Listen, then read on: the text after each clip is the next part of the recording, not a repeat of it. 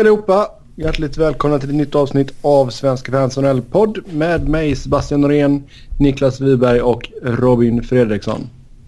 Säg hej pojkar. Hej! Jaha, hej. Bra, bra. Då vet jag att ni båda är med mig. Vi ska gå igenom det senaste som har hänt i världens Var vi inte det för tio sekunder sedan menar du? Man vet aldrig med två. Man vet aldrig med två. Jag fick i alla fall göra introt. Jag har fått göra introt ett par gånger här nu. Det känns lite ovant faktiskt. Ja. I vanliga fall så hinner jag säga hej, välkomna och sen så bara börjar det gapas. Fast du vet ju inte att introt blev korrekt. För jag kan ju ha börjat spela in mycket tidigare eller mycket senare. Det är mycket möjligt. Så det vet du inte förrän du uh, lyssnar på den. Nej, helt sant. Vi får se. Vi får se helt enkelt.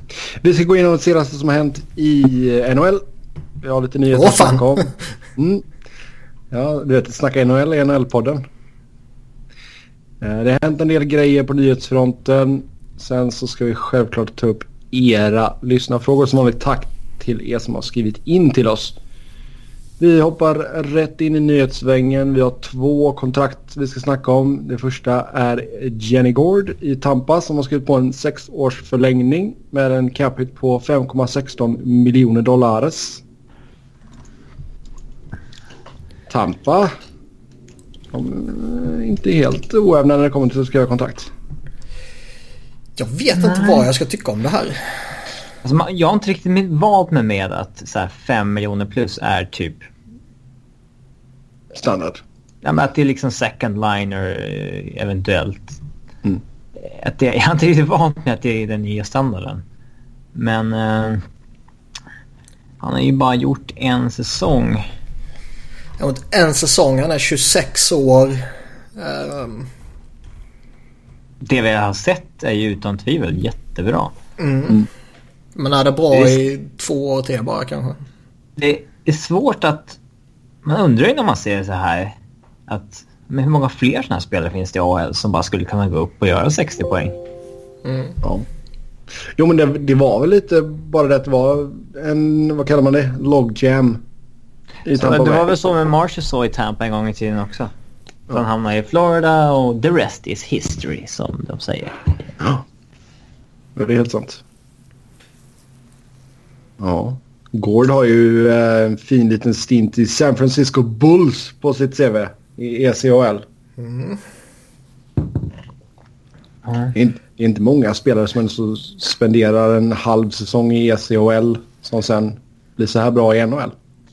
Det är ytterst få som har gjort det. Eh, David Desharnais gjorde ju någon hel säsong eller två i ECHL, kommer jag ihåg. Mm. Parent har också varit där nere och snurrat. Eh, kan minnas fel. Men Gianni Gård, han... Alltså håller han uppe siffrorna från i fjol, 64 poäng på 82 matcher, 25 mål, då är det detta inga problem så sett. Men Nej, verkligen inte. Det är väl inte det är väl lite svårt att säga att det här ska vara hans nya standard liksom. Jag tror ju inte han är en one-hit wonder. Det är inte så att de går in Men... och stjäl honom billigt här. Vad sa du? Det är inte så att de går in och stjäl honom billigt här för att det är Nej. en låg sample size. Så är det ju inte. Och det känns Nej. som att... Vet, breakar man så här sent. Kommer man verkligen ha en jättelång prime? Eller vad man ska säga.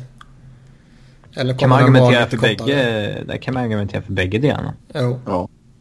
Uh, jag har inte riktigt haft den diskussionen i hockeyn men i fotboll så är det en del som hävdar att liksom uh, ju mindre mileage du har i kroppen liksom är, är det ju bra. Uh, jo men det har vi ju sett på vissa spelare. Alltså kolla... De som kommer fram liksom. när de är 17-18. Wayne ja. Rooney, Michael Owen, Fernando Torres och så vidare. De tar ju typ slut när de är 28-29. Ja, ja det, kolla på Freddie Adu. Han tog slut när han var typ 22. ja. Kom fram när han var 14 Kom aldrig riktigt liksom. fram dock. Men äh, ja, Så jag vet inte hur man ska tolka alltså det där med sent break om det liksom är bra eller dåligt egentligen. Det, Nej. det är inte så att det är mycket mindre jobbigt att spela 80 matcher om året i AHL sett till liksom fysisk ansträngning. Det, det är det väl inte. Så att, eh, nej jag vet inte. Fast det, ja. Man undrar ju vad det är som gör att de känner sig manade att signa det här kontraktet nu. Jag vet att han har varit point per game hittills. Jo, men jag menar... Gör han 85 poäng i år? Dussin, drygt dussin matcher liksom. Jo, men skulle han göra samma sak som han gjorde i fjol då tror jag inte att han skulle kosta mer än 5,16. Mm, kanske. Men han har väl pending UFA eller? Vad är UFA? Uh, UFA. Ja, ja det, det kan ju påverka. Mm. Mm, kanske. Jag har inte toksåld på det bara. Uh, jag tror definitivt att han kommer floppa den närmsta tiden sådär. Så jag tror inte man ska vara orolig den, Men, de kommande åren. Men... Det här var ett kontrakt de inte hade räknat med att signa för ett år sedan. Mm. Ja, det Det är här sant. måste ju spell the end för någon big ticket player som de ändå hade tänkt ha kvar innan. Typ Killorn. Ja, han har vi Ja. pratat om tidigare. Han kan man ju... Vi ser ju ingen av oss han i Tampa long term. Mm. Om man bara får välja en som man gör sig av med. Det, det kan ju Mm. bli så att de tvingas fram till någon annan liksom. Men den logiska om man bara tittar på rosten så är det ju han. Ja, alltså han är väl... Han känns det snarare given när det ska signas nytt med... Ja, Vasilevski och... Eh, ja, nu har vi några höjningar som kommer då med Kucherov och... Eh, McDonough. ja. Och nu... Ja, och jag tror inte de släpper eh, alla tre backarna som har utgående kontrakt heller. Nej, eh, de måste ju ha en backsida liksom. Eh, så att det är snarare så att det blir kanske klon och någon, någon till. Mm. Ja. Vem väljer man då? Alltså kan man, kan man på något sätt bli av med Callahan så hade det ju varit att föredra. Om inte det går Ja, så... det är fortfarande en ettårs solution. Och visst, det kan vara guld värt när man har ett window to win så att säga. Ja. Men... Eh, eh, Jo men jag tror kan du bli av med Callahan så kan du åtminstone skjuta på det problemet ett år. Jo, ja. Ehm, sen vet man inte, alltså sen det är lite smaksak. Gillar man Tyler Johnson mer än vad man gillar Palat till exempel? Mm. Ja, eller Miller. Ja, eller Miller. JT Miller är väl den som borde ligga halvpyrt till. Mm. Så det är helt klart sant. Sen... Eh, sen ska man skriva nytt med Braden Point också i sommar. Ja, det är... Den är ganska stor också. Ja, såvida inte han tar en bridge deal så väl han få ganska bra betalt också. Så eh, det är ju lite att fundera på där i Tampa. Det är det. Verkligen. Yes. Sen vi snackade om Pekarinne förra avsnittet. Och vad vi tyckte att man skulle göra det var att man skulle signa om på ett tvåårskontrakt. Och eh, precis det gjorde Nashville. Så en tvåårsförlängning, 5 miljoner i capita. Eh, ja, det känns ju som en Billigt. kanonbra, kanonbra lösning för, eh, för Nashville. De får honom att gå ner i lön och... Det är hade lite förvånande. Jag hade Ja. rätt. Nej, Du hade fel. Och Jag Nashville hade gjorde fel.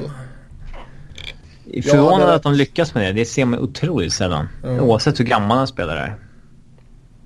Ja. Han känner sig ju verkligen hemma i Nashville så visst. Han har väl tjänat tillräckligt med pengar. Kanske är lite mer av ett eh, finländskt tänk där att det, jag, har, jag har så jag klarar mig. Men så tänker ingen. Nej. Det vet man aldrig. Finländska lyssnare hör av er. Jaha. Nej, men det är ingen som kommer ge upp pengar bara för att de ska gå till en lagkamrat istället. Det kommer inte ske.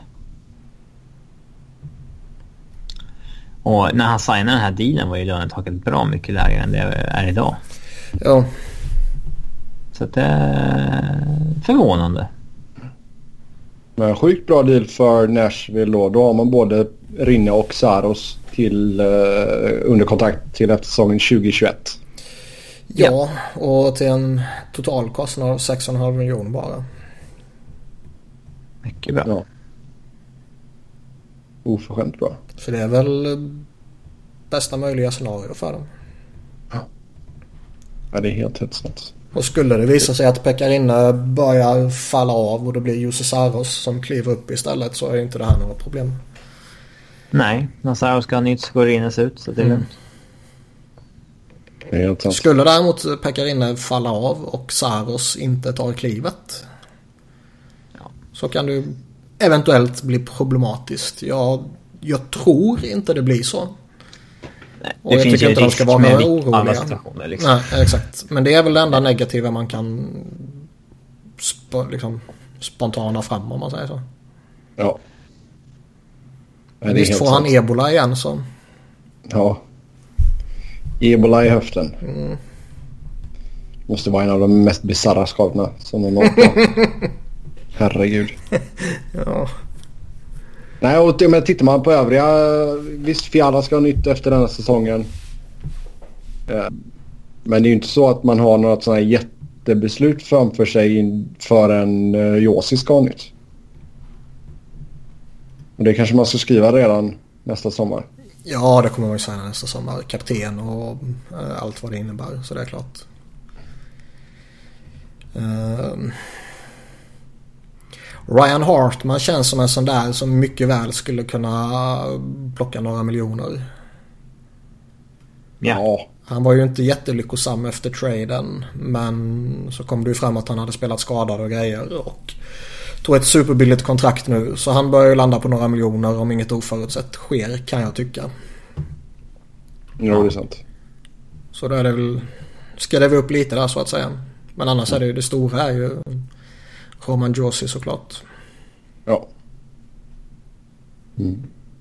Sen lite träning, eh, tränare, tränarnyheter. Så nu kan jag prata. Först uh, Joe Quenwell som fick kicken av eh, Chicago tillsammans med Kevin Denin och Ulf Samuelsson. Och eh, Jeremy Colliton tar över som head coach.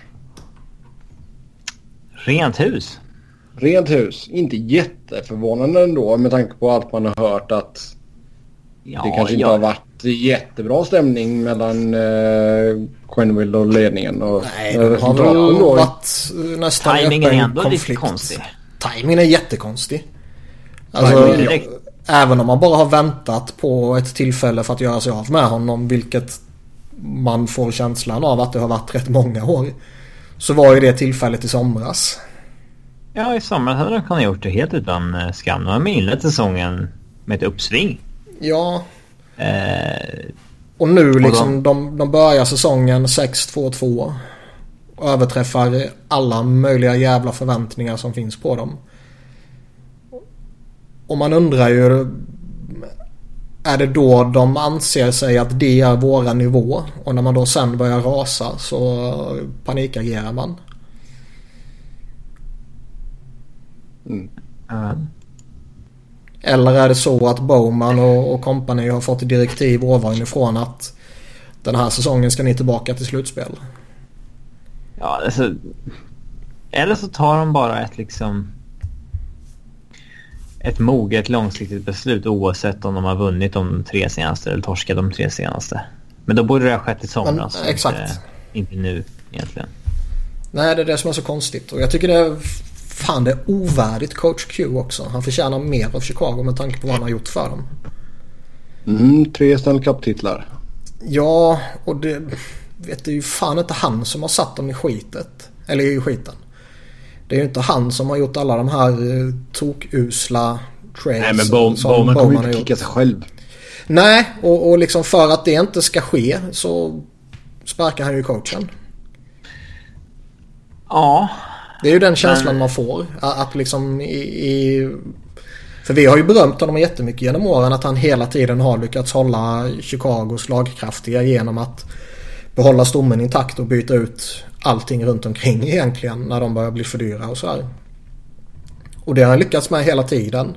Förutom när han skulle bygga det nuvarande laget om man säger så. Ja. Och... man, man får lite känslan att... Nej, de förväntar sig att de ska vara ett slutspelslag.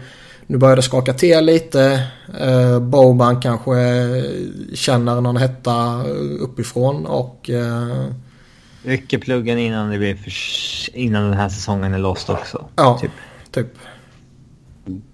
Eh, men vet inte, det känns som det bara är ett... I och med att det rent hus, den börjar om helt, så känns det som att det är ett beslut som tagit mer långsiktigt. Liksom, att nej, det är dags för en ny era. Ja, och... Men det är fortfarande jättekonstigt att det sker mitt i november i så fall. Mm.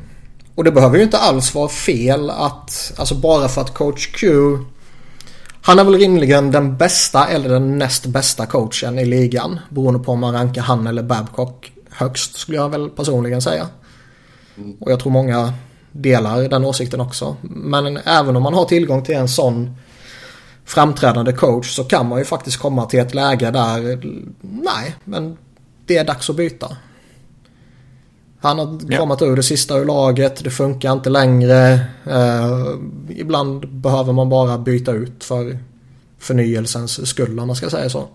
Mm. Och det behöver inte vara fel i sig och Carlton känns ju som ett sjukt spännande namn. Ja, uh, har ju spenderat tid i Sverige med Mora. Ja, under många år. Och, uh, alltså han, han, är yngre än spelaren i deras core. Eller lika gammal som spelaren i deras core liksom. Och, ja, 33 år gammal. Ja, sånt är ju alltid spännande och fascinerande. Och skulle man inför säsongen, eller i somras eller vad man ska säga, listat alla lagen ut efter sannolikhet att de skulle gå på en superung coach. Så skulle ju inte Chicago legat i toppskiktet. Nej. Känns det som. Nej. Nej, det är sant. Så det, det är ju jävligt fascinerande grej de gör. Och den är ju väl värd att, att följa lite extra. Han har ju fått jättemycket beröm där borta för typ sin spelarutveckling och sådana saker. Ja, alltså det är, en, det är en väldigt intressant situation och man applåderar väl Chicagos mod här. Oh ja. eh, jag kan också känna att ska man byta ut coach Q då ska man väl göra det ordentligt liksom. Man ska ju inte ta en sämre variant av honom bara. Nej. Eh, då man, man provar något helt nytt. Eh, att gå in i en ny... Ja, men kanske ge... Taves och Kane är ju bara 30 bast liksom. Ge dem en ny kick liksom och... Eh, ja, det är inte...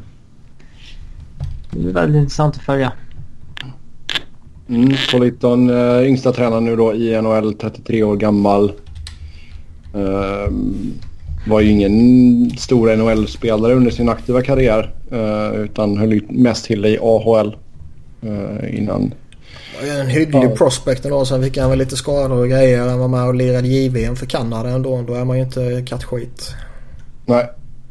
Nej, det är helt sant. JVM-guld 2005 med Kanada. Mm. Hållit på någon skada där eller om det var något annat år också. Lite sånt där. Men, eh... Kom ju som spelare till Mora och sen gick upp som coach mitt under säsongen. Ja. Mm. Coachade fyra år. Mycket gott betyg. Över till Nordamerika. Ja, tog Rockford till eh, konferensfinal förra säsongen. Men så visst. Jag, jag kan inte påstå att jag har någon riktig minne av honom som spelare. Ah, nej. Ja. Um... Det känns ju oerhört märkligt att en kille som ska coacha Chicago alltså bara har coachat i fem sex år. Mm. Det, Varav typ tre av de åren är i Mora. ja, när, eh, när en ung coach kommer upp, säg att det är en 40-åring, då känns det ju som att då är det oftast någon som har coachat sedan han var 22. Mm. Typ assisterande i uh, Q, uh, OHL eller någonting och sen klättrat hela vägen upp. Här är, han är ju verkligen purfärsk. Oh ja. Mm. Ja, så vi får se vad som händer med coach Q. Men uh, tycker ni att andra lag borde sparka sina tränare för att ta in honom? Alltså får man läget. Garanterat. Eh, Montreal gjorde ju det lite med Terrien när, när Claude Julien blev tillgänglig och det, det kan man ju köra, förstå. Eh, men... Eh, jag vet inte, vilken situation passar Q bäst liksom? Är det att... Eh, Alltså Vem? Är det liksom tillbaka till St. Louis? Mm. Alltså tittar man på vilka lag som kanske skulle vara... Vad ska man säga? I, alltså, Visst, har man Babcock så sparkar man inte honom för att ta in Quenville. Liksom. Och har man en helt nyanställd så gör man det väl rimligtvis inte heller känns det som. Mm. Och sen finns det givetvis andra som alltså, Laviolette sparkar man inte för att plocka in i coach Q och, och sådana där saker. Men eh, och liksom Cooper sitter ju säkert i Tampa i dagsläget i alla fall. Ja. Utan de, de, som kanske överväger det nu det är ju sådana som kanske inte har de mest attraktiva tabellplaceringar och contenderstatus och sånt där. Nej, om vi går över till nästa punkt då. Uh, John Stevens blev kickad av LA. Eh, man tar in Willie Desjardins som interim head coach. Man undrar ju vad LA tänker när de typ två eller tre dagar tidigare sparkar Stevens. Tar in en jävla tjomme i, uh, i Desjardins som... Alltså... Ja. Han har ju inget, inget speciellt. Och sen några dagar senare så blir coach Q tillgänglig. Visst, nu kanske inte LA attraherar han för fem öre. Uh, andra lag som kan vara aktuella, alltså Anaheim, Philadelphia, Edmonton, Edmonton Detroit. St. Louis uh, tror jag. St. Louis, Florida med Dale Talon. Buffalo slänger dollarsäckar över honom. Alltså, bara för att de eventuellt vill ha honom. Alltså ta mitt Flyers de flesta förstår ju rimligtvis innan jag har sagt det att jag, jag mm. vill att de ska byta ut Dave Hackstall mot uh, coach Q. Men han skulle vilja komma också. Jo, ja, herregud. Nu tror jag ju i och för sig att uh, alltså det finns ju mycket som lockar i Philadelphia liksom. Men det kan ju också vara att han tänker att nej men det kan ju faktiskt komma en contender i januari. Som ja, sparkas. Alltså, alltså helt plötsligt ska jag eh, sladda Pittsburgh till lite i, i tabellen och känner att ja, men Quenneville är ju faktiskt på marknaden. Eh, vi kanske ska kolla med honom. Och helt plötsligt så får han möjlighet att kliva in i Penguins. Istället för att ha Detroit i november. mm. Jo om man lyssnar på typ Mackenzie och de här så säger de väl att han är, han är redo att ta lite tid på sig. Har man haft jobbet i så många år så eh, har man nog inte emot att ta ett break på några månader åtminstone. Mm. Nej. Så han bor fortfarande i Colorado i, i Aspen. Mm. Sen är ju också frågan hur... Uh, hur många kan betala vad han vill ha. Ja, för då är det ju Babcock, Babcock-pengar som gäller. Ja, han hade ja, 6 det... miljoner i, i eh, vad heter de, i Chicago. Mm. Och han kommer inte kräva mindre än det. Nej. Och hur många har de pengarna och hur många har den viljan att betala det för en coach? Ja, coachlönen har gått upp men jag tror inte att det är alla som är med på det spåret så att säga.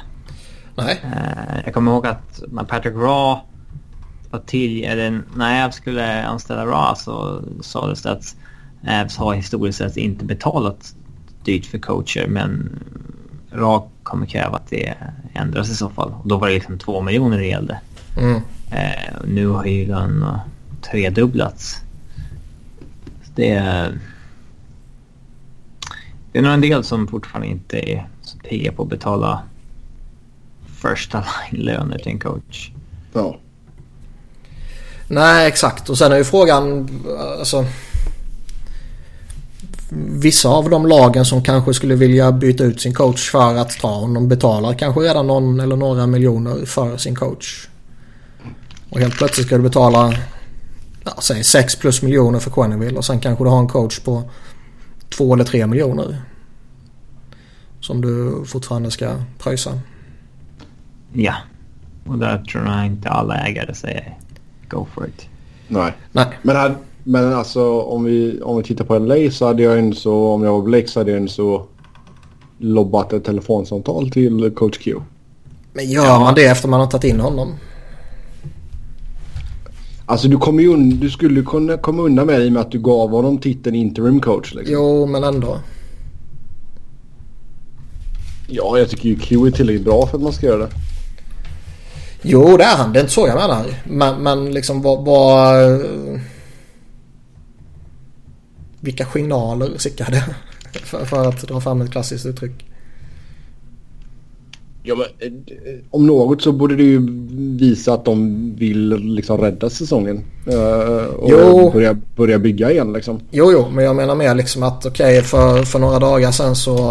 Jo, men du, kör, gå med på att Desjardins blir en av de assisterande då liksom. Ja. Nej, jag, jag, säger, jag säger inte Det att man inte ska göra det. Alltså har man möjlighet att få in en coach Q eller en Babcock och man är i ett slagläge som gör det värt det så absolut.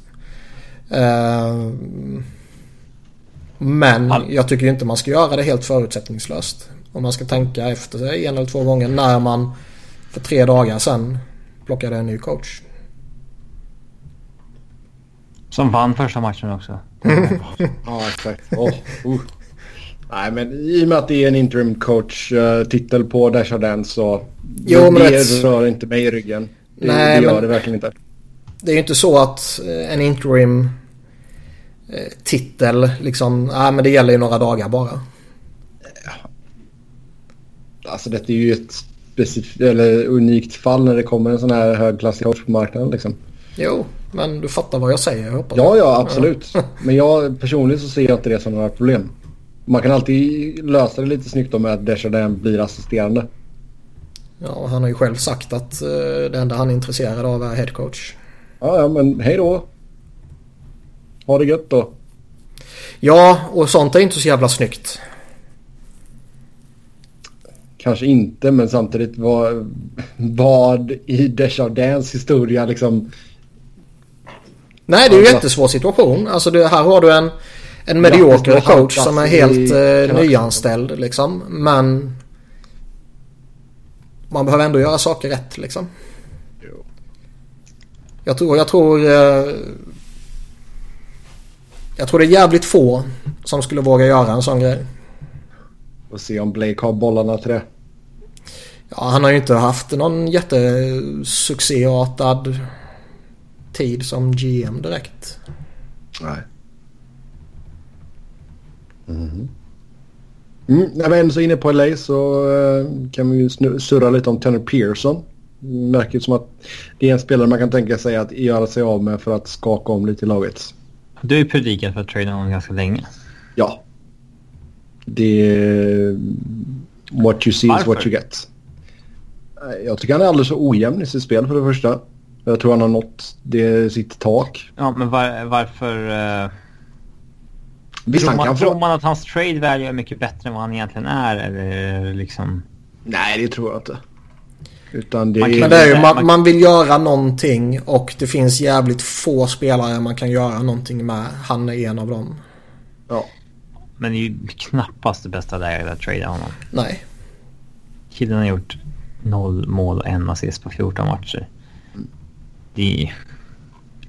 Ja, det är inte nu du kommer få någonting. Alltså du får ge bort honom i princip tror jag.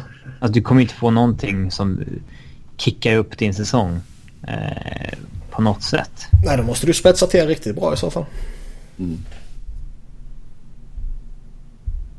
Ja, man vet aldrig. Kan Arizona få Galchenyuk för en Domi som var urusel förra säsongen så... Ja men det är... Fan, han har gått bra förresten. Jävlar vilken start han har fått där. Mm. Ja, det kan... Ja, men då får jag ju hitta en liknande trade i så fall. Någon annan... Ja, prospect kan man väl inte säga om 25-26-åring. Men någon spelare som liksom var prospect som inte har lyft på det sättet man trodde. Som har kört fast något. Ja. Vem skulle det kunna vara? Ja du. Det vet jag inte så här på rak arm. Men eh, någonting lär man väl hitta på tror jag och då som Niklas säger då är ju Pearson en av få spelare som kan eh, försvinna. Det var ju lite surr om... Eh, Alltså, Att LA om- Ja, vad ska jag säga? nej, jag skulle säga att det var ju lite surr om att LA var ett av lagen som var sugna på William Nylander. Ja. Uh, men Carolina verkar ju vara det laget som är mest kåta på honom. Um, och jo. där skulle väl Pearson vara en del i det då kanske. Då är det typ Pearson och någon av backarna ju. Martinez ja. eller Massin. Ja. Och den traden skulle jag göra alla dagar i veckan. Och Bab, visst tog Babcock Visst var Jake Massin spelade väl OS? Ja det gjorde han va? Jag för mig det. Jo det gjorde han. Nej World Cup var det kanske. Mm. World Cup var det. Uh, så Babcock tycker ju bevisligen om honom. Mm. Så det skulle... Jag vet ju inte om jag skulle... Om jag sitter på William Nylander så vet jag ju inte om jag vill byta han mot Tanner Pearson och Jake Massin.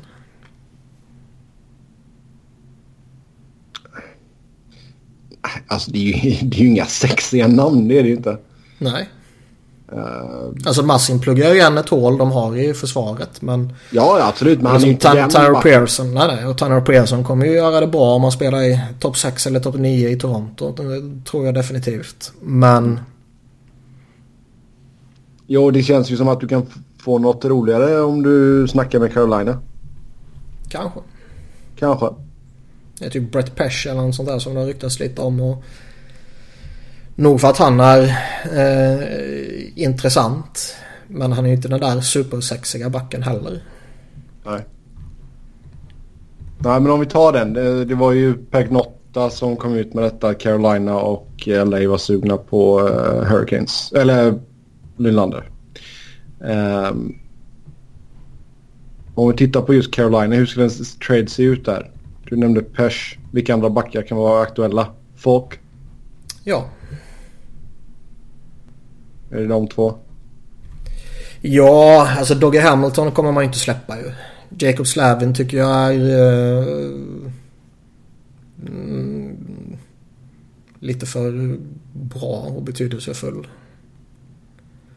Och de övriga är ju rimligtvis inte aktuella i en sån trade från Torontos håll då. Nej. Utan då är det väl folk eller Pesh och folk. Även om jag tycker han är stabil och sådär så... Uh, han är ju inte heller, han är ju den som man pluggar in om du behöver en topp 4 back liksom. Men alltså egentligen tycker jag ju Toronto behöver något mer än det. Det känns ju som att de ska be om slaven i alla fall.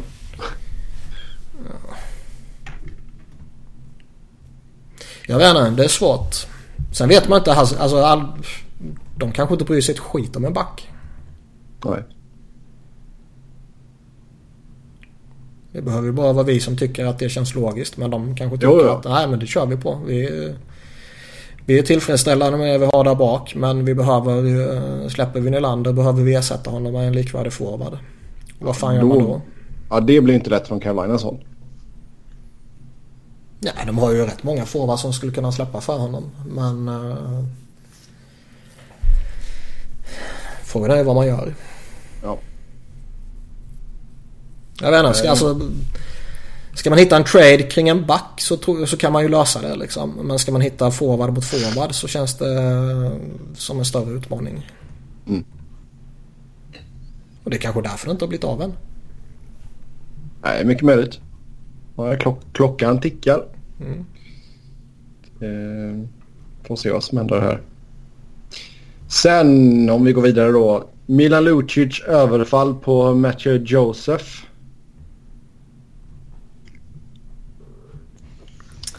Ja. Mindre snyggt.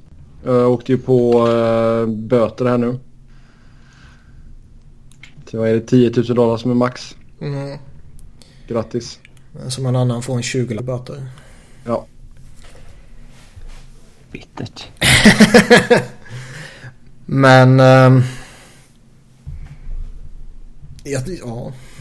Den är svår. Å ena sidan så gör han ju inget... Extremt. Extremt. Bumpar ner en spelare, gärna en köp. Ja. Å andra sidan så... Inget hockeyplay. Det är inget hockeyplay. Han verkligen jagar honom över hela jävla isen nästan. Um, för en tackling i början som egentligen inte är så värst anmärkningsvärt heller tycker jag.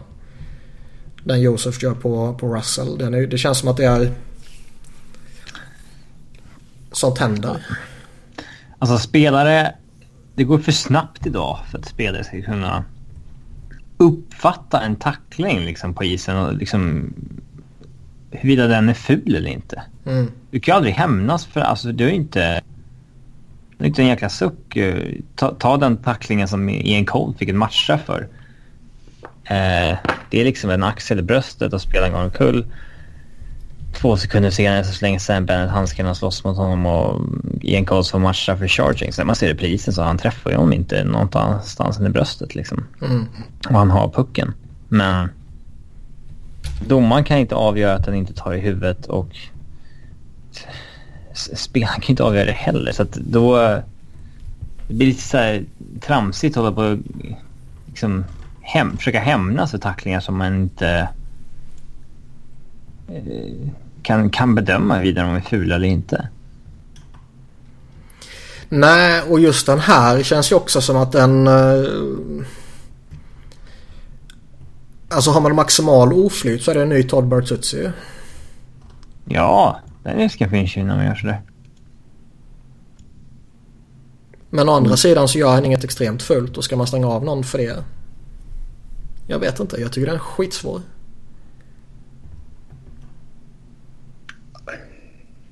Alltså jag vet inte om det hade förvånat mig ifall han blev avstängd av match. Med tanke på att det är Milan Lucic. Jo. Eller så tycker de att det är en större bestraffning för Edmonton om han får spela. Ja. Ja.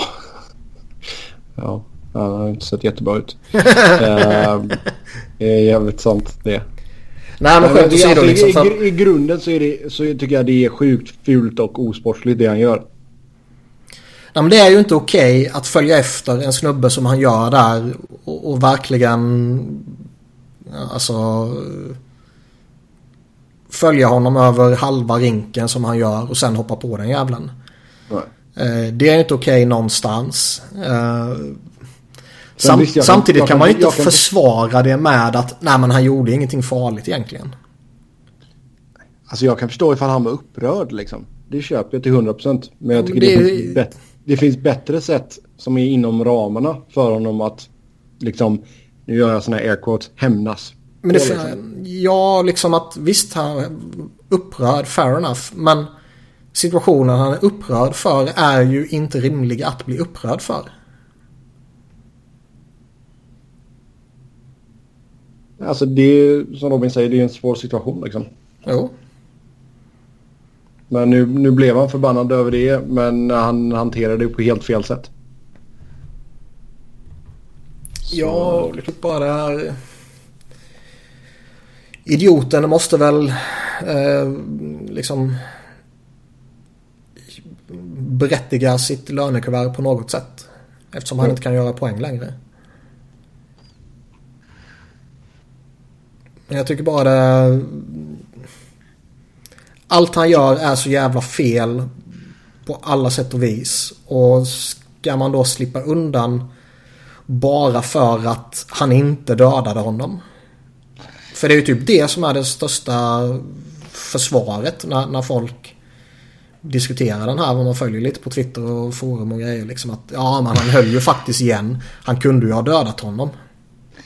det var ju så Neil Warnock sa här om veckan när någon spelare i hans lag i Queens, ja, vilket lag nu, pisslag i Championship han nu tränar nu, hade fått rött kort och han sa He's not trying to kill him so I don't know why he's got a red card. Exakt. Okej. Men eh, Lucic, jag förvånas mest över liksom hockeyns kultur och klimat. Liksom, hur det där fortfarande är liksom accepterat. Att, inte liksom av domare eller sådär, men av liksom laget. Att det inte är så här, vad fan sätter oss i den här situationen för? Nej exakt. Och det ser man ju hela tiden att det gör händer att någonting. Och det enda gör man är... boxen, liksom. Ja. Man får uh, utvisningar Ingen mot sig. anledning alls. Nej, jag håller med dig. Man ser det hela tiden och jag förstår inte. Det är inte bara det att de inte blir irriterade på det utan de delar ut beröm över det. Ja, det är så här, ja, han stod upp för oss. Ja. Okej. Okay. Där, på Offsides podcast med Johan Orenius och eh, Anders Bengtsson. De, de pratar ju mest fotboll men de, de fascineras ofta över det om man gick på hockey när det var så här, eller man såg på hockey när man var yngre och det var då, då man frågar så här liksom så här, men varför gjorde han så där? Nu fick de ju spela boxplay liksom så här, i, bara, ja, ibland måste man markera också. ja, varför då? här, jag, jag fattar inte riktigt. Fast det något liknande. Ibland måste man markera resonemanget kan man ju lyfta fram inom fotbollen också. Ja, alltså det, det här att, nej men ska man spela mot Leo Messi måste man smälla honom för att få bort honom ur matchen. Inte för att jag tycker så men liksom. Det hade ju blivit det snacket mera... har ju funnits. Men om någon om någon kapar en mittfältare liksom... Ja. Vi, vi säger Pontus Wernbloom för sakens skull. Kapningskompatibel. Ja, om någon kapar honom på mittplanen så han... Ja. Går omkull, det blir frispark, den är halvful, det blir inget kort. Om han då hämnas två minuter senare på att ta ett liksom gult slash orange kort för att kapa ner honom. Då hade ju folk frågat vad håller du på med liksom? Jo, jo, men det sker ju. Roy Keane-eran är ju över för Ja. länge sedan. Jo, jo. Oh ja. Den, den typen av kamp på mitten har vi inte någonsin längre. Nej. Det är, det är synd på ett sätt. Men på han var en ful och feg jävel. Han vågar bara göra saker bakifrån.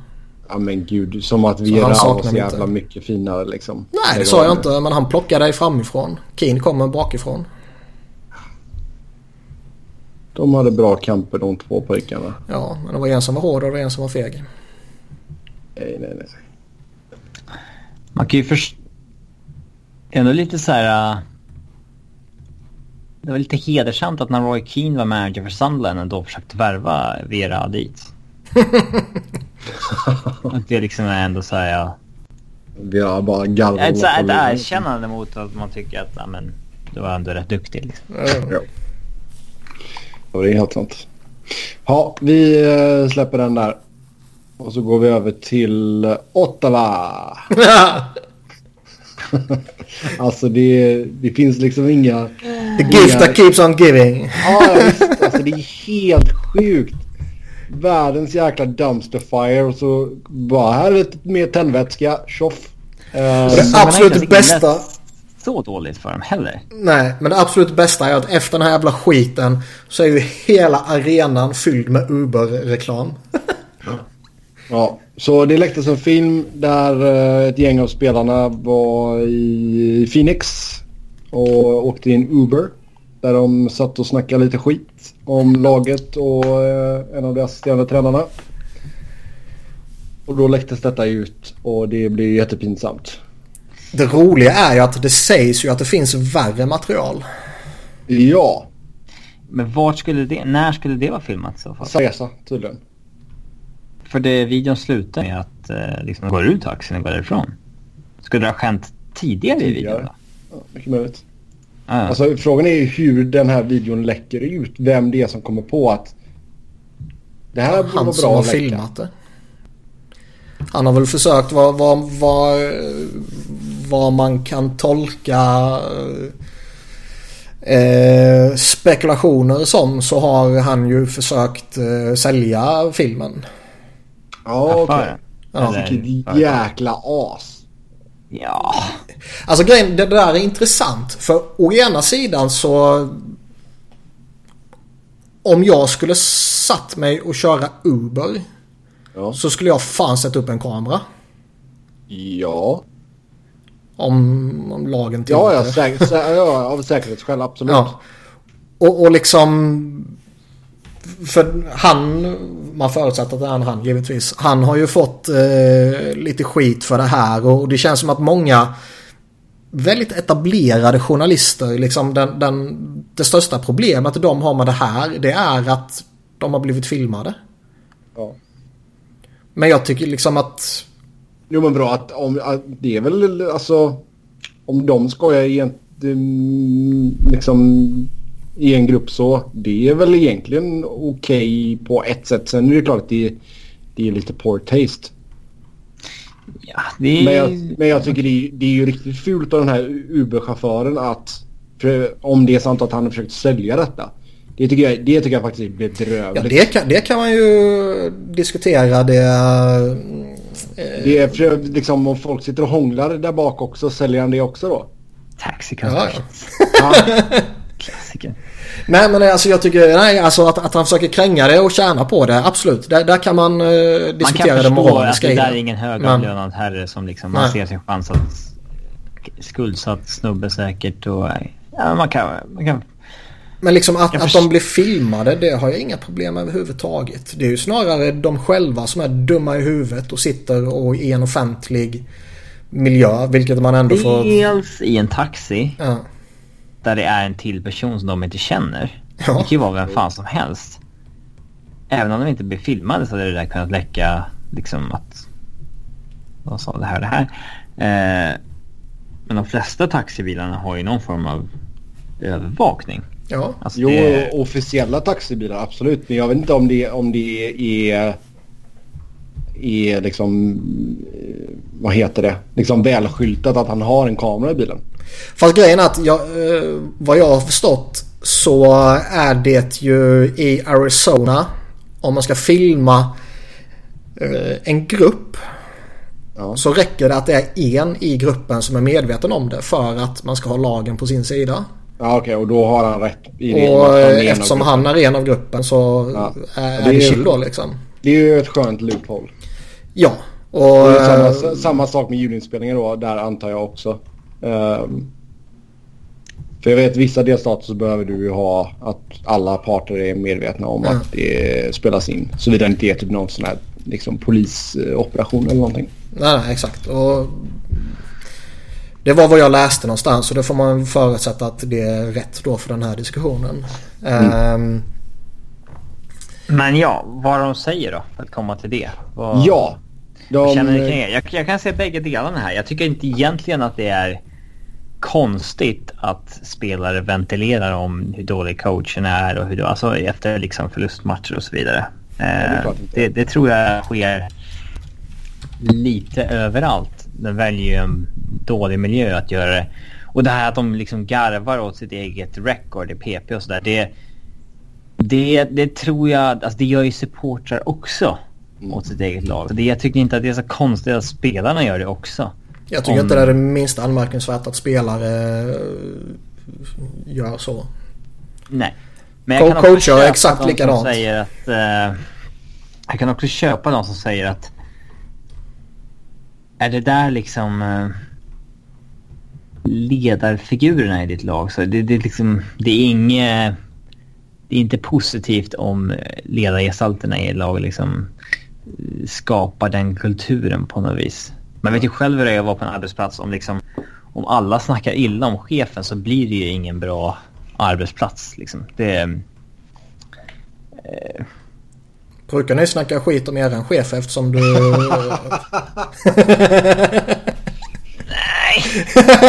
men... Eh, eh, Nej men det är klart att alltså, kommunikation är ju asviktigt. Det gäller ju alla arbetsplatser liksom. Det var ju... Men grejen är att jag, jag tycker inte det är konstigt att spelare sitter och snackar skit om coach, GM eller vad det nu skulle kunna vara. Nej absolut inte. Och jag kan ta gift på att 31 ledarstaber i ligan sitter och snackar skit om sina spelare när de är ute och käkar middag eller vad det nu är. Eh, att nu, nu spelar eh, han skitdåligt eller han har varit tokkast de sista år, matcherna liksom. Eller han har det där problemet och den där jävla idioten han, han kommer aldrig lära sig det här. Jag är helt övertygad om det liksom. Jo. ja, speciellt i anknytning till förlustmatcher och så vidare. Ja. Det är lite, det är lite ilsket. Ja. Eh, Alltså sånt händer. Jag har inget problemet som... Alltså... Problemet är väl kanske om det börjar gruppera sig inom spelartruppen. Och, och de skulle suttit och, och snackat skit om massa andra spelare. Det tycker jag skulle vara betydligt mycket mer känsligt. Även om man givetvis kan förstå det också. Men det här tycker jag... Det enda problemet med det här det är ju att det läcker ut. Ja. Hur tycker du att eh, Ottawa har hanterat den här situationen då? Man skickar ju ut spelare till presskonferens som inte var med i bilen liksom. Ja, och det är... Uh, antingen gör man det på riktigt eller så uh, låtsas man som ingenting. Och i det här fallet kan man ju inte låtsas som ingenting med tanke på hur jävla stort det blev. Alltså måste man göra det på riktigt. Det är, det är liksom inget snack om vem som säger vad nej, eller nej. någonting. Exakt, utan skicka ut de spelarna, skicka ut en GM till att stå där och, och ta skiten liksom. Nu, nu blev det något halvhjärtat försök till att liksom sopa den under mattan. Och sen så en eller två dagar senare, jag blandar ihop dagarna lite. Så uh, kommer det rykten om att uh, det finns ännu värre grejer. Mm. Mm. Det har ju spekulerat lite om att uh, Shane kommer försvinna här snart också. Ja men det har det väl gjort redan när han kom. Jo, ja, absolut.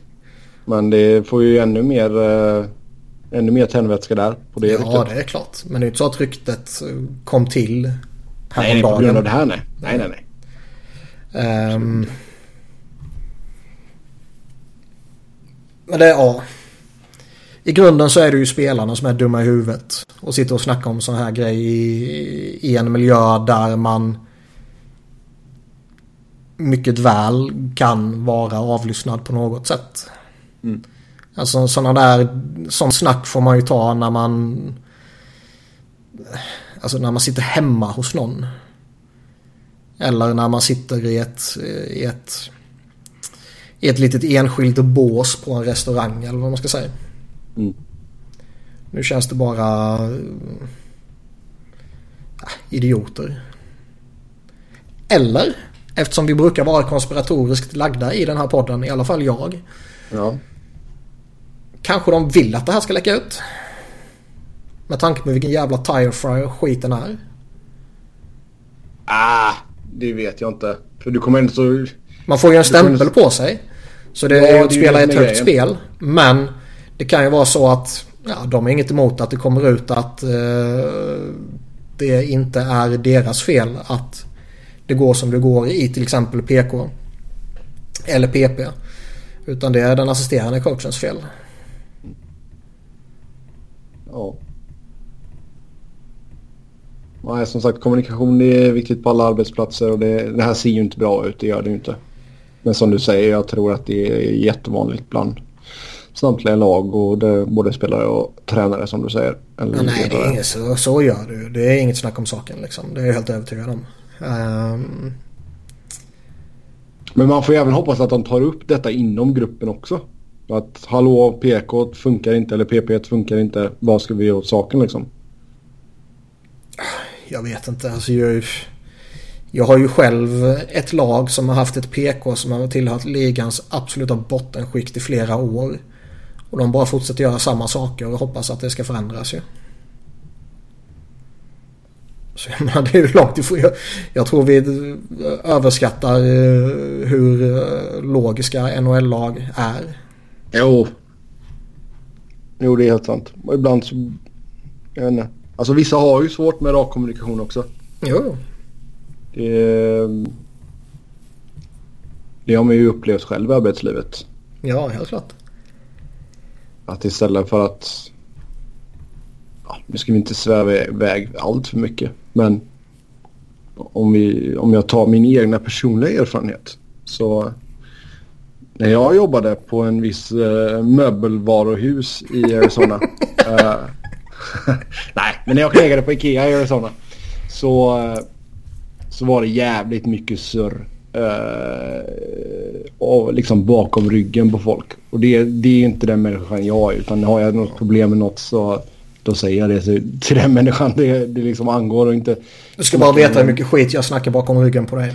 Ja, så... Uh, det är ju frustrerande liksom. Men... Uh, Nej men det är klart. Sen, alltså, jag tycker också... Sen är det ju inte alla som uppskattar den raka kommunikationen som jag kommer heller liksom. Nej, jag brukar säga vad jag tycker. Eh, de flesta kan ta det, somliga kan inte ta det. Ehm, men framförallt tycker man ju liksom i en sån extrem miljö som NHL är eller NBA eller Premier League eller eh, liksom allsvenskan här hemma också för den delen. Där det ändå är man är professionella. Det är ditt jobb. Man tjänar sjuka pengar. Alltså även en jävligt medioker fotbollsspelare i allsvenskan kan ju tjäna åt helvete mycket mer än vad vi gör. Som är mm. normala dödliga människor. Eh, och den miljön är ju inte som random arbetsplats. Nej. Det är betydligt större krav, det är en annan jargong, det är liksom... Eh, vad säger man? Resultaten av ditt arbete kan liksom... Mätas i poäng, ja. Nej, men kan, kan mätas i poäng och i dollarsiffror på ett mm. extremt tydligt sätt liksom. Vet, bara den mentala pressen av att spela för ett lag som riskerar trilla ur Premier League liksom. Ja. TV-pengarna och alla de här jävla miljarders, miljarders, miljarder som finns där. Skön stress. Ja, hur, hur många är det som egentligen klarar av den mentala pressen? Mm. Uh, ja, Ottawa behöver ju inte oroa sig om att, trilla ur i alla fall. Nej, uh, och det är väl den enda tryggheten de har. ja. ja. Men det är jävla tire fire och allting är ju så perfekt liksom. Det har, det har lugnat ner sig lite i laget. De har faktiskt gjort en fin inledning med tanke på deras förutsättningar. Oh ja.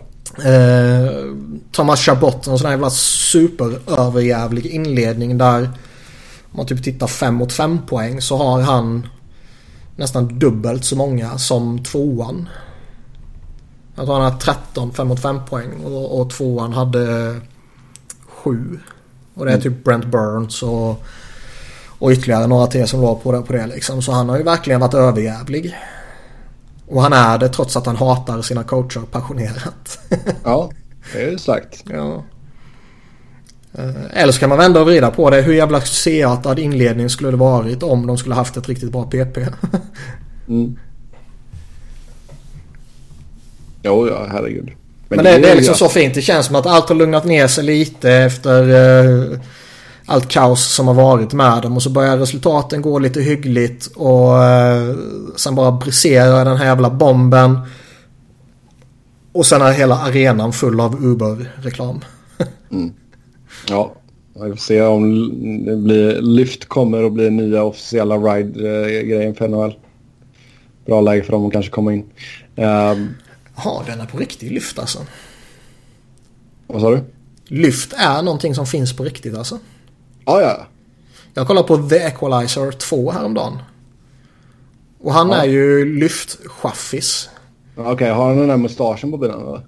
Ja, det vet jag inte. Men, man, men han säger det någonstans och det står någonstans. Okay. Jag trodde bara det var liksom, ja, ja, det är ja, en rip-off på Uber här. Ja, de, de får inte använda namnet Uber så då kommer de på namnet Lyft och det var ju häftigt trodde jag. Ja, ja nej, nej, Lyft finns på riktigt. I början vet jag i alla fall, då körde de att du åkte runt med hela mustasch på bilen. Oj, oj, oj. Såg för jävligt ut. Ja. Jag inte om de fortfarande håller på med det. Ja, det vet jag inte. Mm. Eh, nästa punkt här innan vi går in på lyssnarfrågorna. Eh, Brendan Lemieux avstängd två matcher på grund av huvudtackling på Vincent Trocek. Smutsig. Ja. Uh... Men återigen huvudtacklingar och sen får vi en avstängning på två matcher. Alltså... Ja, man var trött på att säga samma sak hela tiden. Man är så jävla trött på att ranta hela jävla tiden. För man vet ju att det kommer inte leda till ett skit.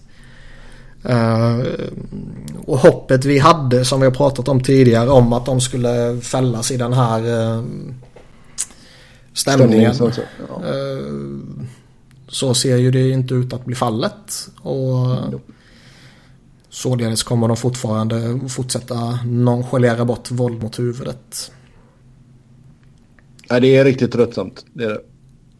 Ja, och den här är ju full på riktigt ju. Det, han går ju för huvudet. Mm. Ja, det är, att han bara får två matcher är bedrövligt. Jo. Yes, då glider vi in på lyssnarfrågorna. Som vanligt stort tack till er som har skrivit in. Uh, först ut, St. Louis intresse för Bobrovski. Armstrong vill väl satsa och Allen håller väl inte? Ja. Ja. Alltså går efter Bob så måste de ju skicka Allen motsatt väg. Ja, det blir väl så va? Men det, det måste ju inte så krydda ganska rejält. Ja, det är inte en mot en. Inte så jag menar. Jag menar mer rent eh, för att få ihop det logiskt liksom. Jo. För ska Columbus, alltså Columbus vill väl rimligtvis ha, ha en ersättare till Bob. Och inte för att Jake Allen är den perfekta ersättaren till Bob. Men... Nej. Eh, ska man få ihop trade där så kanske det är han man tar. Då hade jag hellre tagit Jonathan Quick. ja, jag vet inte. Så pass kan du ge mig att Jonathan Quick är bättre än Jake Allen? Ja, det är han. Men är kontraktssituationen det? Nej, det kanske det inte är. Nej. Det har du väl helt rätt i. Nej, det är det som är givetvis. Quick är en klart mycket bättre målvakt än, än Allen. Inget, inget snack om saken. Men det är några år till. Men om vi tittar på Allen då som en av byggscenerna i ett paket för Bobrovski. Vad mer tycker du borde krävas för att man ska landa Bobrovski? Äh, man måste ju dunka in någon av deras uh, prospects. Blues har ju faktiskt en del intressanta prospects. Ja. Eh, som... Eh, ja, antingen har man lyft upp dem och de har inte riktigt lyckats eh, etablera sig så att säga. Eller så är de fortfarande på väg. Men vet, en Thomas måste in i en sån trade i så fall. En uh, Jordan Kuru måste in i en sån trade i så fall. Kanske inte båda, men alltså en av dem. Man kanske är en Dominic Bock kanske liksom. Man behöver ju slänga in något jävligt sexigt i alla fall. Mm. Jag tror ja. jag, jag vet inte fan om Blues är redo att slänga in den här sommarens first rounder. Ah, det kan... I så fall måste de vara lottery protected eller något sånt där Ja fast det har... Uh, vänta nu. Det... Nej, de har ingen. Ja, alltså. Det är om de skulle, skulle bli topp 10 pick. Så kan de ju behålla det. Ja. Och så skickar de 2020 nej, visst, ja. nej, nej, jag tänkte ju de, exakt. De har ju redan skickat ja. den till E. O'Reilly. Jag hade ju tänkt att de mm. inte hade någon. Um, nej, men de måste... Så, Jake Allen är ju... Jag tror man behöver betala lite för att inkludera han i traden nämligen. Jo. Jo, där, där är jag helt Skulle han också varit pending UFA då, då är det ju en helt annan grej. Men... Uh, ja, för det är inte så. Jag tror inte att Columbus kan ta Allen och sen liksom flippa honom liksom. Det tror jag inte. Nej. Det är tar man honom ska... har man ju, får man nog committa på honom i ett eller två år i alla fall. Ja. Ja, det är ju en jävla sits de är i Columbus där alltså. Mm, jo, så är det.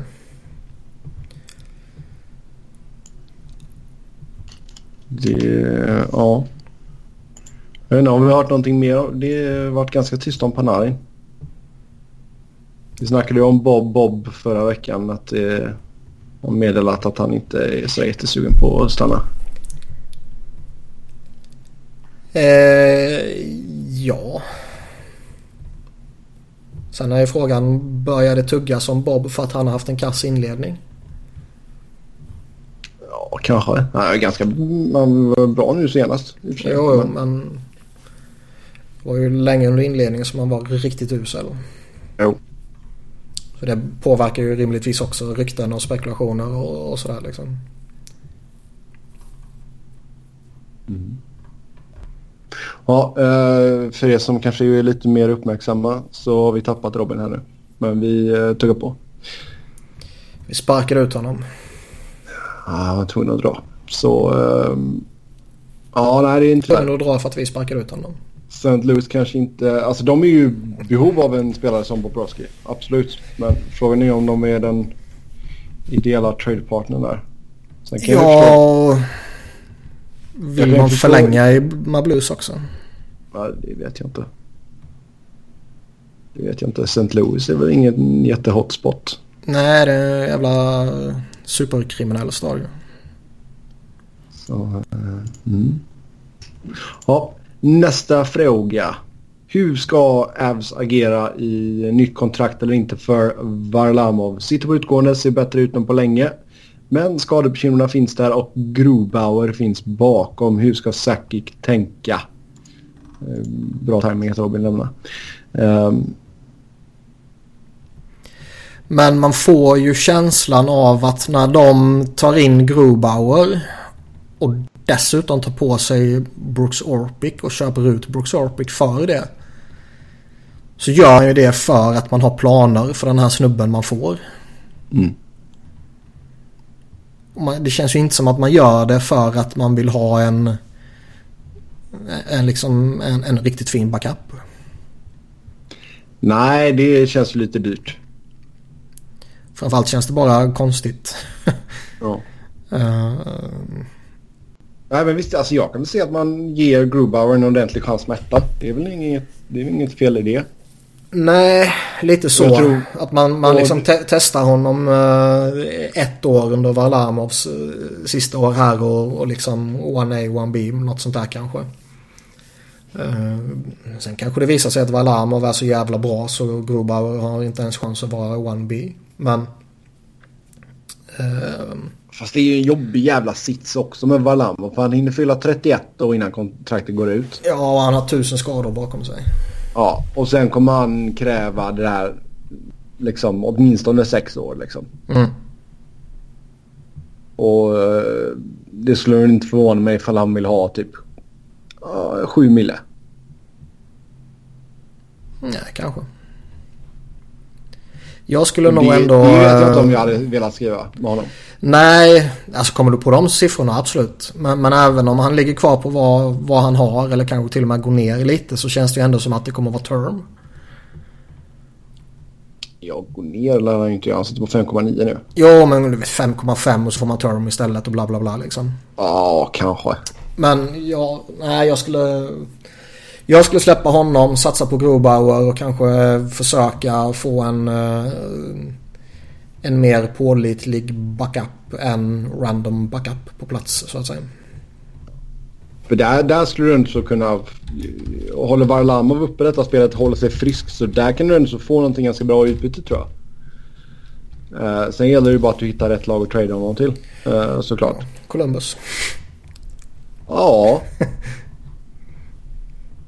ja men alltså helt ärligt, det skulle inte vara någon jättedålig ersättare till, uh, till Bobrovski liksom.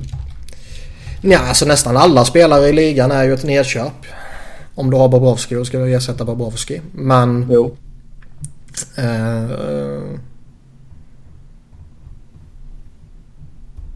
ja, varför inte? Målvaktskarusell. Jake Allen hamnar i, uh, i Avalanche som backup. ja. Nej men det är bara alltså Allen kanske inte är involverad i en sån trade överhuvudtaget. Det bara känns logiskt liksom. Man kan, man kan ju inte sitta på... Uh, det känns konstigt att ta in Bob utan att göra sig av med Allen. Antingen tar du in honom och så förlänger du med honom och så har du en jävligt dyr målvaktssida som är åt helvete för dyr liksom. Mm. Eller så tar du in honom, spelar med honom säsongen ut och i slutspelet och sen släpper du honom och sen ska du gå tillbaka till Jake Allen. Det känns också konstigt. Oh ja. Uh... Ah, ja, som sagt. Det är så logiskt bara att han ska in i, en, i ett trade-utbyte. Mm. Men det är klart, alltså kan du få... Eh, vad skulle Colorado behöva skicka förutom Varlamov för att landa Bob liksom? För jag menar, kör Bob och Grubauer. Ja, det hade väl inte varit helt fel. Grubauer är inte överjävligt dyr med 3,3. De har ju en first round de kan skicka med tanke på att de sitter på Ottawas. Mm. Den lär de inte skicka. men, men uh, de har ju en egen de kan skicka. Och det är väl inte orimligt att förvänta sig att Bob kommer kosta en first rounder. Nej. Sen vet man ju inte ifall Varlamov skulle vara liksom, ja visst, jag signar long term i Columbus. Nej, men ibland får man chansen. Mm. Det ser ut som det kan hända lite grejer på målvaktsfronten ändå. Mm, kanske. Kanske. Yes. Uh, Lillburra, alltså Burakovsky, har 1 plus 1 och minus 6 på 13 matcher. Vad ska man göra med honom? Orkar man vänta mer på ett lyft eller är det här hans ungefärliga nivå? Uh, nej, jag har svårt att se att han lyfter så jättemycket. Alltså jag vet inte vad, alltså, vad är förväntningarna på honom egentligen? Alltså, late first rounder. Uh, man vet aldrig riktigt vad man får där. Men om han är Nej, vad han är, om han gör 40-45 poäng över en hel säsong så är det inte dåligt liksom. Nej. Men visst, om man fortsätter som han har inlett den här säsongen så Ja, det är ju inte bra. Absolut inte. Nej. Menar... Sen samtidigt som med tanke på hur deras jävla sommar var så ska man kanske behöver de kanske ja. längre tid än några veckor på sig. Jo, det är sant. Han festade nog bra tror jag. Jo. Han var ju den som var mest uppspelt över uh, tuttarna på glaset. ja, det också. Utan tvekan. Jävlar vad glad han blev och det uppskattar jag. ja. Det... Det är en bra, bra firande säkert över sommaren för honom. Nej men alltså titta på de senaste säsongerna. Legat 12 baljer. De två senaste säsongerna 17 säsonger innan det. Runt 40, ja, 30, mellan 35, ja. ja. Någonstans runt 35-40 poäng ska man väl kunna ligga ändå. Ja, och gör han det så väl det fair. Ja. Lirat i tredje kedja med Eller och Brett Connolly. Ja. Det... Skulle han ha en hel säsong jämte Bäckström och Ovechkin liksom, då är det klart att då ska man förvänta sig mer. Jo. Men i det sällskapet så är inte det fel. Nej. Yes, eh, ska vi se. Nästa fråga är Conor McDavid för endimensionell för att lyfta Oilers till ett mästarlag? Gudabenådad offensivt men det märks att han inte tar defensivt ansvar så mycket jämför Tage Kopitar?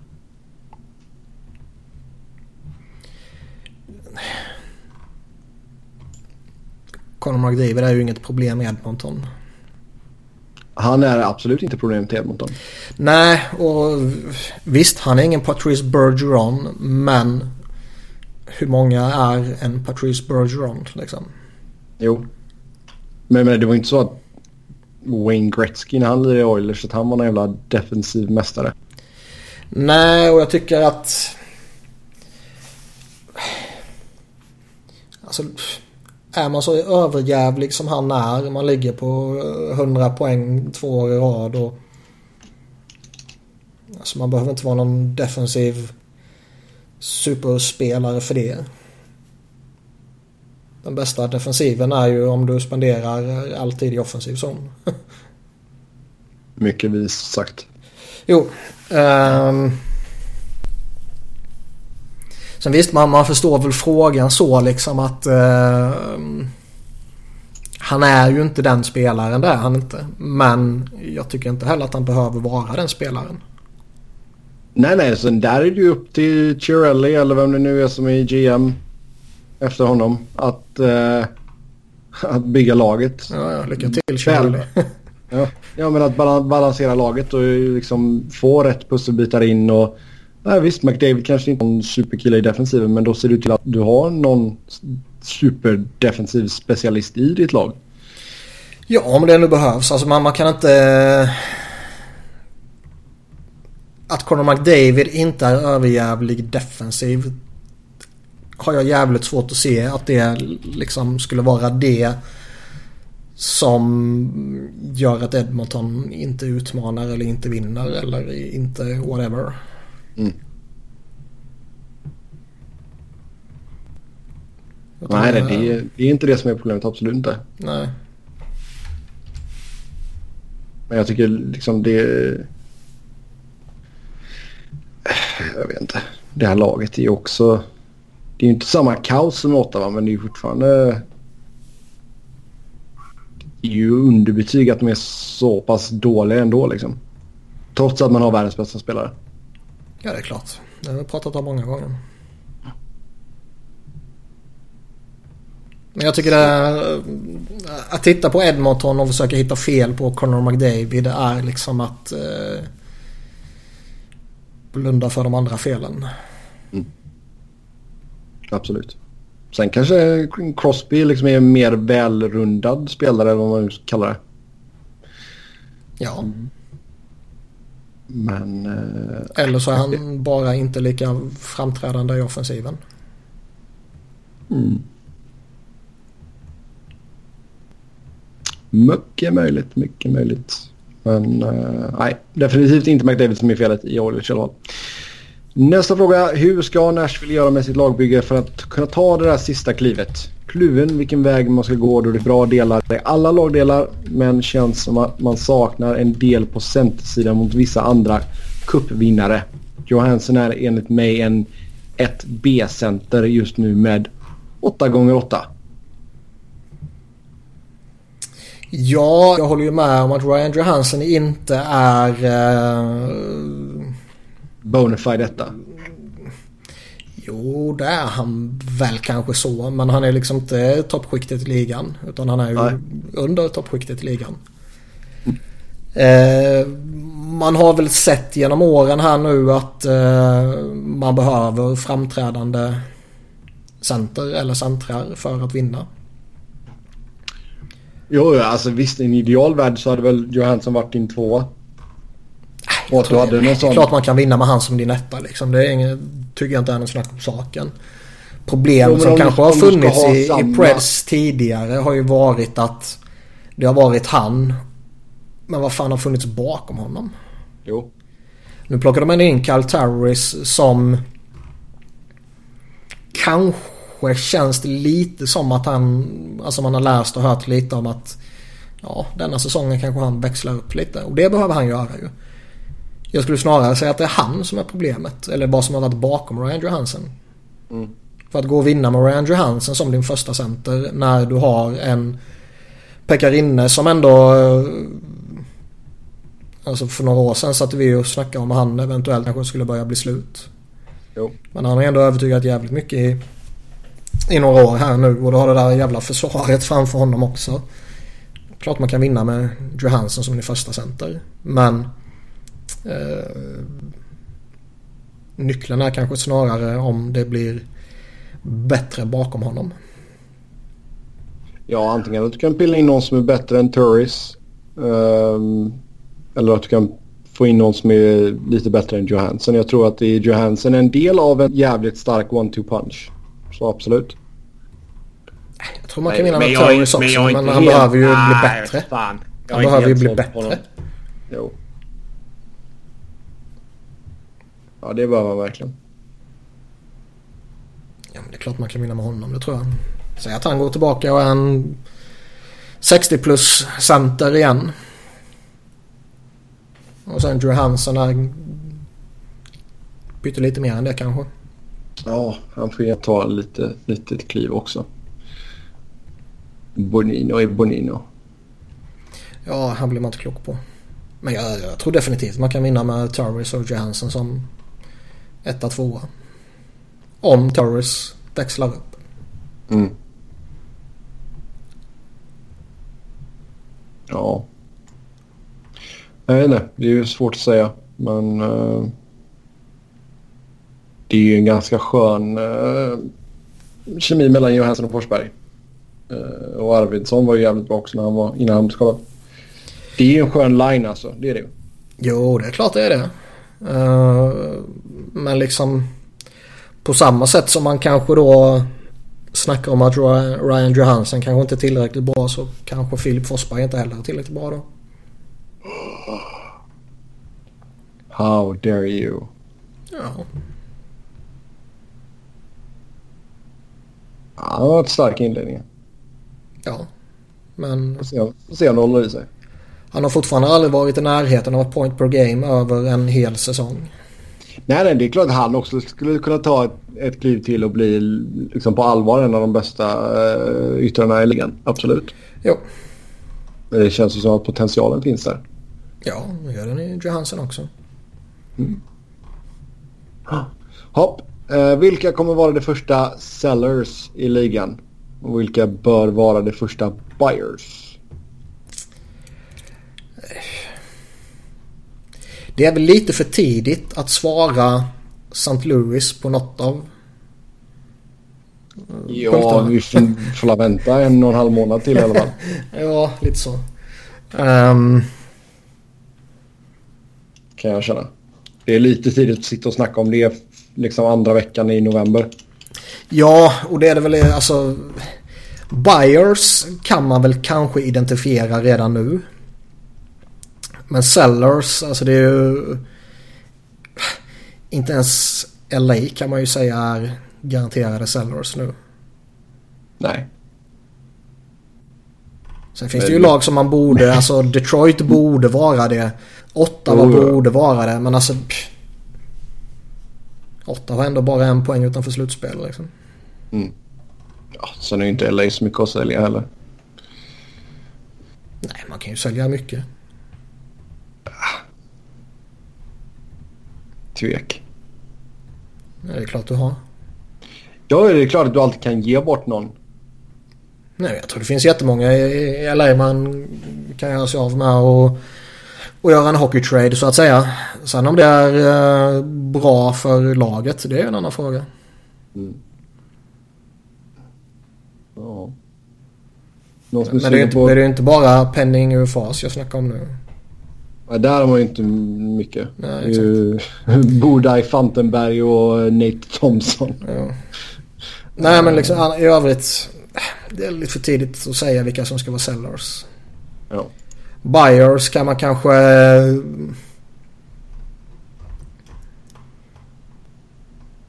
Man skulle väl inte bli förvånad ändå om Toronto gör någonting framåt deadline liksom. Nej, Toronto kan nog göra någonting. Jag tror Winnipeg kan göra någonting. Ja, de har det jävla centerbehovet känns det som. Mm. Dallas tror jag kan göra något. Ja, de har velat göra något stort hela sommaren ju. Om inte de tar mm. fart på riktigt kommer de göra någonting ju. Uh, så det finns ju några sådana. Uh, vem fan vet vad Vancouver får för sig nu när de uh, en månad in på säsongen är ett topplag. Ja. Helt plötsligt. Jo, håll, får de för sig att de är ett, ett lag på riktigt och ska börja stärka upp så fort det bara går. Ja. Vi vet ju sedan tidigare att de har haft en liten skev självbild.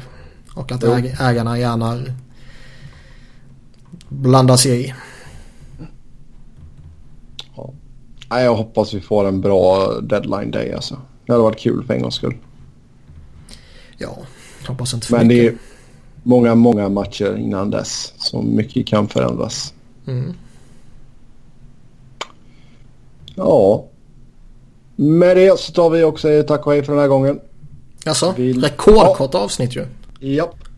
Uh, hade Robin varit kvar så hade vi kört redraft 15 och 16. Det finns massa det... andra frågor ju. Nej, det finns det inte alls. Jo. Uh, vi, vi sparar på lite dem. Det är några som är lite större som uh, jag vill ha med Robin på också. Så du vill ha med Robin? Du har dissat dem i tre månader. Ah, ja, ja, ja, ja. Nu ska inte vara sådana. Som vanligt kan du... Måste ju ta en till i alla fall. Ja, okej. Okay. Och då fattar du vilken det är ju. Uh, pa, pa, pa, Nej, vilken är det du syftar på? Ubergate. Ja, ja, ja, ja. Om Ubergate i 8 hade hänt i Philly istället, vilka spelare hade varit inblandade? ja, alla utom Jori Lehtonen, Louise, Christian Folin. Och kanske Andrew McDonald. Okej. Okay. Det har varit en stor, en stor buss de hade åkt idag alltså. Uberbuss finns det. ja, kanske. Nej, men vad ska man säga? Travis Connectney kommer ju vara en av dem. Travis Sunheim kommer ju vara en annan. Eh, Ghost har ju faktiskt lite tidigare hintat åt det här hållet att eh, Han slutade lyssna på vad folk sa åt honom att göra och helt plötsligt började han spela bra igen. Mm. Vilket ju inte är ett vote of confidence till coacherna liksom. Uh, vad kan vi mer ha? Det känns som Jordan Wheel skulle mycket väl kunna uh, inkluderas i en sån grupp. Kanske ja. Patrick.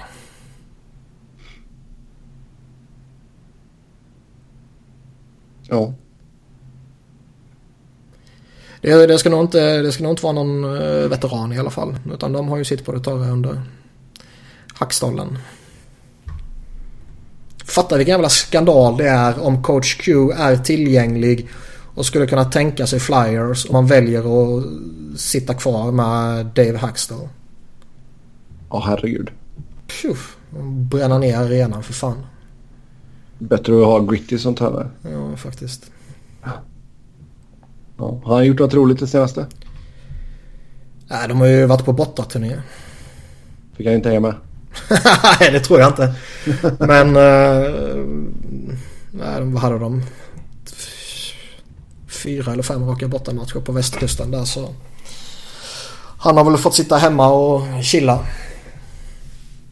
Han kommer väl göra något i hans match känns det som. Ja. Ja, ja. Yes, med det då så tar vi och säger tack och hej för den här gången. Som vanligt kan ni köra hockey med oss via Twitter. Mig heter ni på att Noren, Niklas på att Niklas Wiberg, Niklas C och enkel Robin heter på R underscore Fredriksson. Så, lo så lovar jag faktiskt att vi kör redraften nästa, nästa avsnitt. Ja, det är inte bara den, det är ju många andra som har nobbat. Ja, vi kan ta ranken de tio bästa aktiva spelarna från eh, ett gäng olika nationer också. Den, ja. den är rolig. Och tidernas sämsta trader. Ja, kanske. Ja, kanske den är skitrolig. Okej. Okay. Ja, då lovar jag att vi tar upp de, de fyra. ja, jag är skeptisk. ja, allt, allt hat över ett rekordkort avsnitt skickas till Sebbe. Jag tar ja. inget ansvar. Nej, helt sant, helt sant. Ja, tills nästa gång. Ha det gött. Hej.